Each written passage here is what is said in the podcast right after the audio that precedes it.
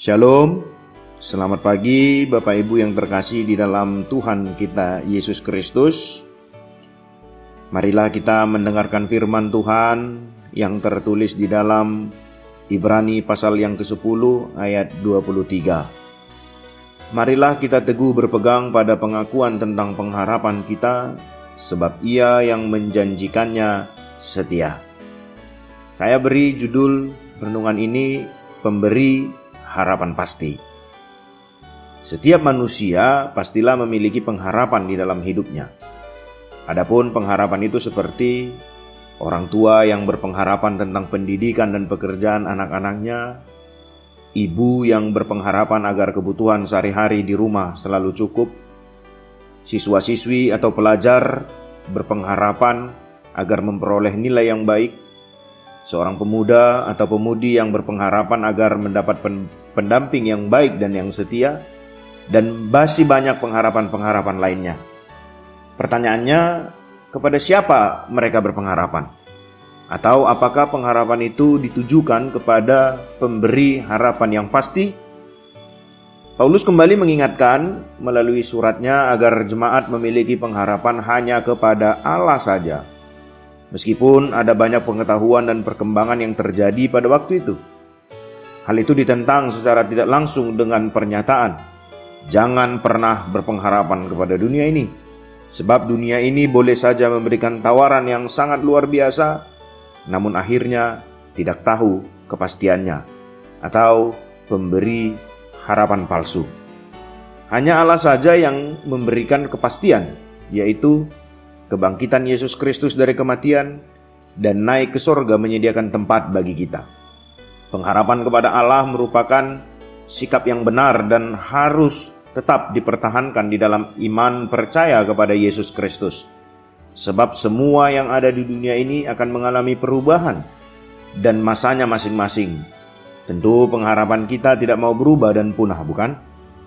Kita akan mengambil bagian di dalam Kristus apabila teguh berpegang pada keyakinan iman. Pengharapan harus terus dipegang karena ini adalah sauh yang kuat dan aman bagi jiwa kita. Pengharapan orang benar itu jelas seperti sauh atau jangkar yang kuat sehingga tidak dapat diombang-ambingkan dengan apa pun. Itulah iman kepada janji dan firman Tuhan. Orang benar percaya dengan iman bahwa Tuhan setia untuk menepati janjinya. Artinya, Janganlah kita sampai melepaskan diri dari apa yang kita imani. Suara-suara yang sinis boleh mencoba mengambil kepercayaan kita. Orang-orang yang materialistis dengan segala argumentasinya boleh mencoba membuat kita lupa akan Allah. Peristiwa-peristiwa hidup boleh secara beruntun menggoncang iman kita. Namun, kita harus tetap berpegang teguh pada iman yang tidak dapat dikendorkan oleh apa pun. Kita harus belajar melihat pada pemberi janji, yakni Allah yang setia, bukan pada situasi di sekeliling kita. Kembalilah kepada firman Allah. Tuhan memberkati.